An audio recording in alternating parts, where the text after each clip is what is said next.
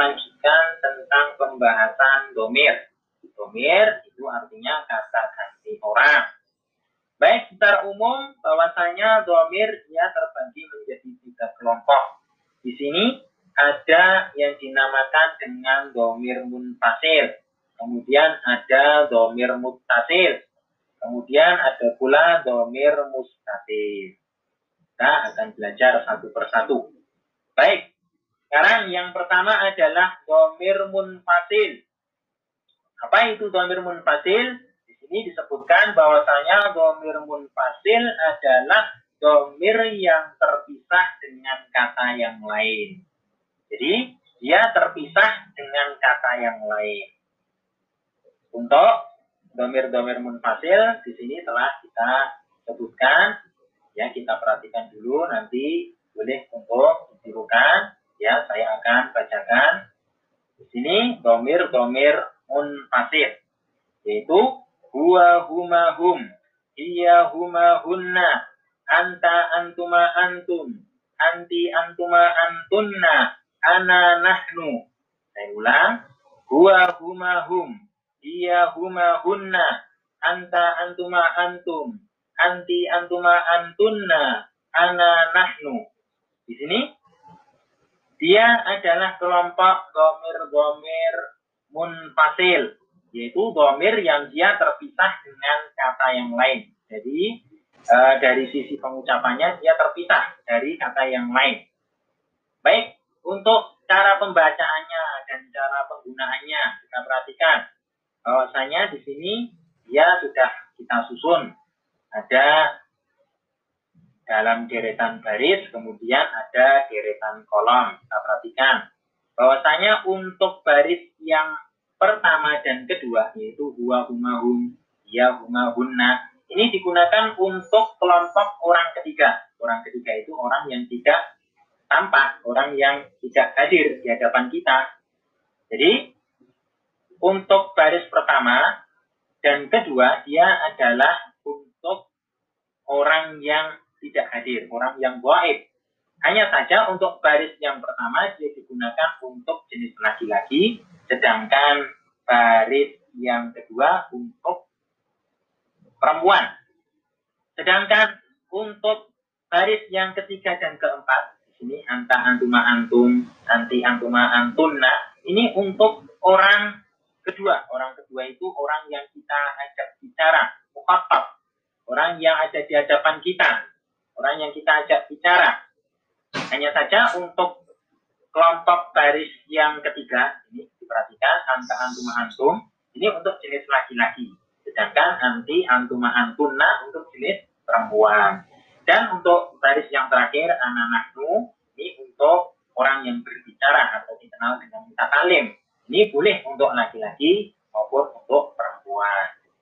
Ya, sudah dapat dipahami, saya kira. Kemudian kita cara membacanya dirubah yaitu dari kolom yaitu dua dia anta anti anak yaitu di bagian kanan. Itu untuk tunggal untuk kata ganti orang tunggal. Kemudian yang huma huma antuma antuma. Nah ini untuk double untuk dua orang. Kemudian yang terakhir hum hunna antum. Kemudian antuna kemudian nahnu. Nah di sini untuk jamak jamak itu lebih dari dua orang. Hanya saja yang nahnu, hanya saja yang nahnu, dia boleh untuk double. Karena dua orang itu sudah dianggap uh, jamak untuk kelompok mutakalim, untuk kelompok orang yang berbicara. Baik, misalnya kita akan coba latihan membaca tabel. Ini kita perhatikan, misalnya gua, gua, gua di sini dia terletak di baris yang pertama. Berarti untuk untuk orang ketiga. Orang ketiga kan dia, ya, dia. Kemudian dia untuk laki-laki kita perhatikan. Dan jumlahnya dari kolomnya kita lihat untuk tunggal, untuk satu orang. Maka cara pengertiannya ya dia seorang laki-laki. Dia karena memang orang ketiga dan tampak. Kemudian kalau kolomnya dia kan satu orang, berarti seorang laki-laki. Kemudian misalnya Huma. Huma. Di sini diperhatikan Huma. Huma ternyata ada dua. Di baris pertama dan kedua juga ada. Jadi di sini untuk laki-laki boleh, untuk perempuan juga boleh. Hanya saja dia untuk orang ketiga. Orang ketiga mereka, mereka kan orang ketiga nggak hadir di hadapan kita. Dan dia kita lihat dia di kolom yang kedua double untuk double ya. Jadi pengertiannya mereka dua orang laki-laki atau perempuan. Baik misalnya hum, hum.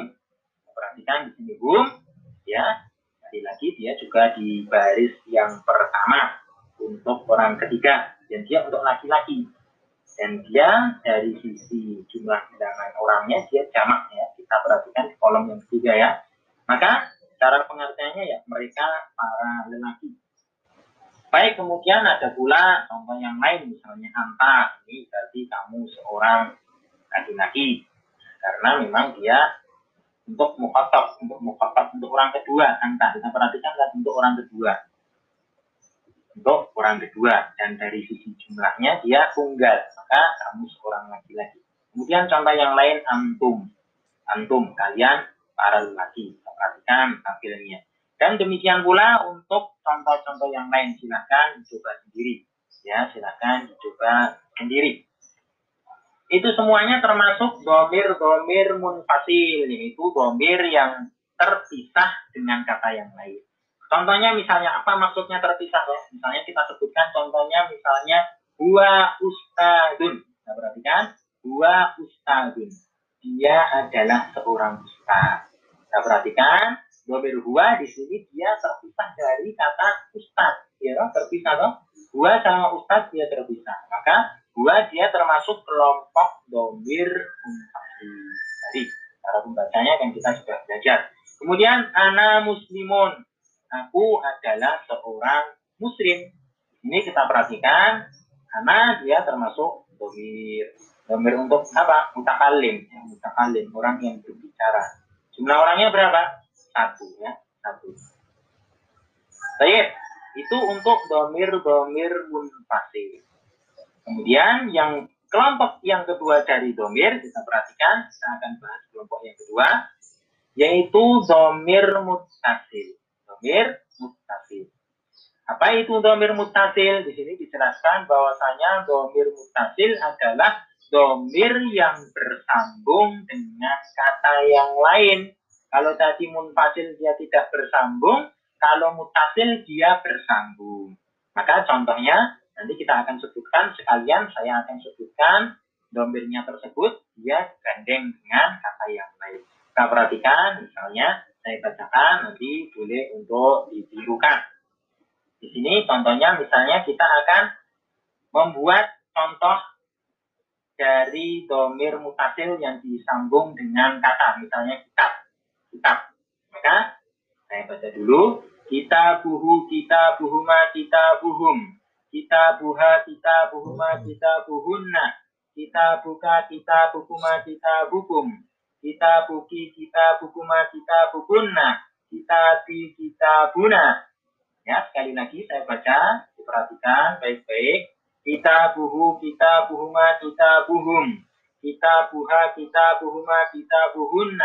kita buka kita bukuma kita bukum kita buki kita bukuma kita bukunna kita bi kita buna baik cara penggunaannya pun sama cara penggunaan pun sama dari cara pembacaan kafir. Namun kita perhatikan dulu sebentar. Di sini yang saya warnai yaitu hu, huma, hum, ha, dan seterusnya. Ini domir-domir mutasil. Kita perhatikan dia disambung dengan kata yang lain, yaitu kata apa? Kitab. Jadi dia termasuk domir-domir mutasil. Domir yang bersambung dengan kata yang lain. Biasanya dia kalau disambung dengan suatu isim, dia menunjukkan arti kepemilikan. Dia menunjukkan arti apa? Kepemilikan. Baik, contohnya misalnya kita akan belajar cara pembacaan tabel. Di sini misalnya contohnya kita buhu. Kita buhu. Nah, perhatikan dia terletak di baris yang pertama. Terletak di baris yang pertama itu untuk orang ketiga.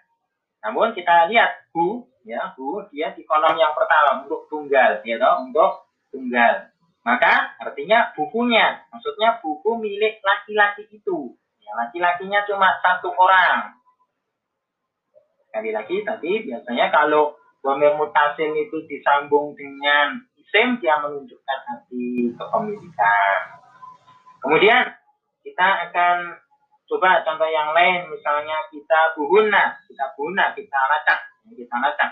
Di mana letaknya? Di sini ya. Kita buhunna di baris yang kedua.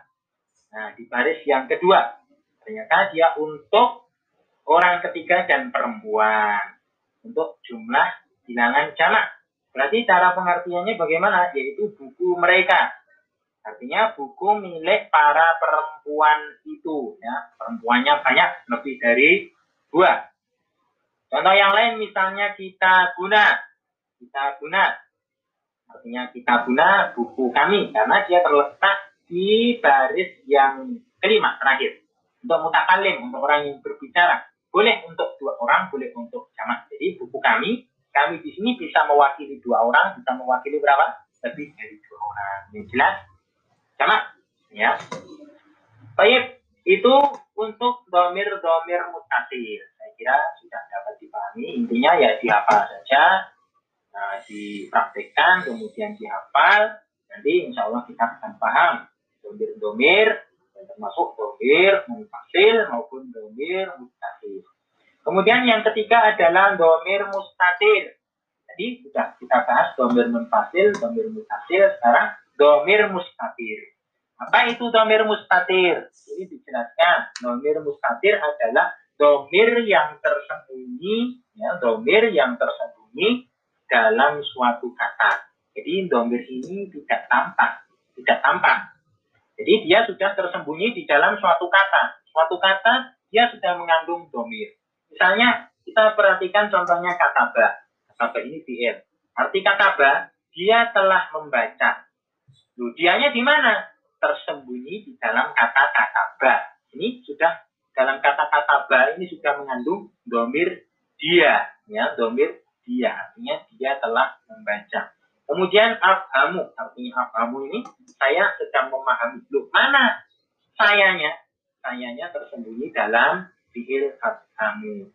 Ya, mungkin dapat dipahami secara global ya. Nanti insya Allah akan datang penjelasannya lebih terperinci tentang domir-domir mustatir ya, domir-domir mustatir yang dia tersembunyi di dalam suatu kata. Insya Allah kita akan pelajari nanti.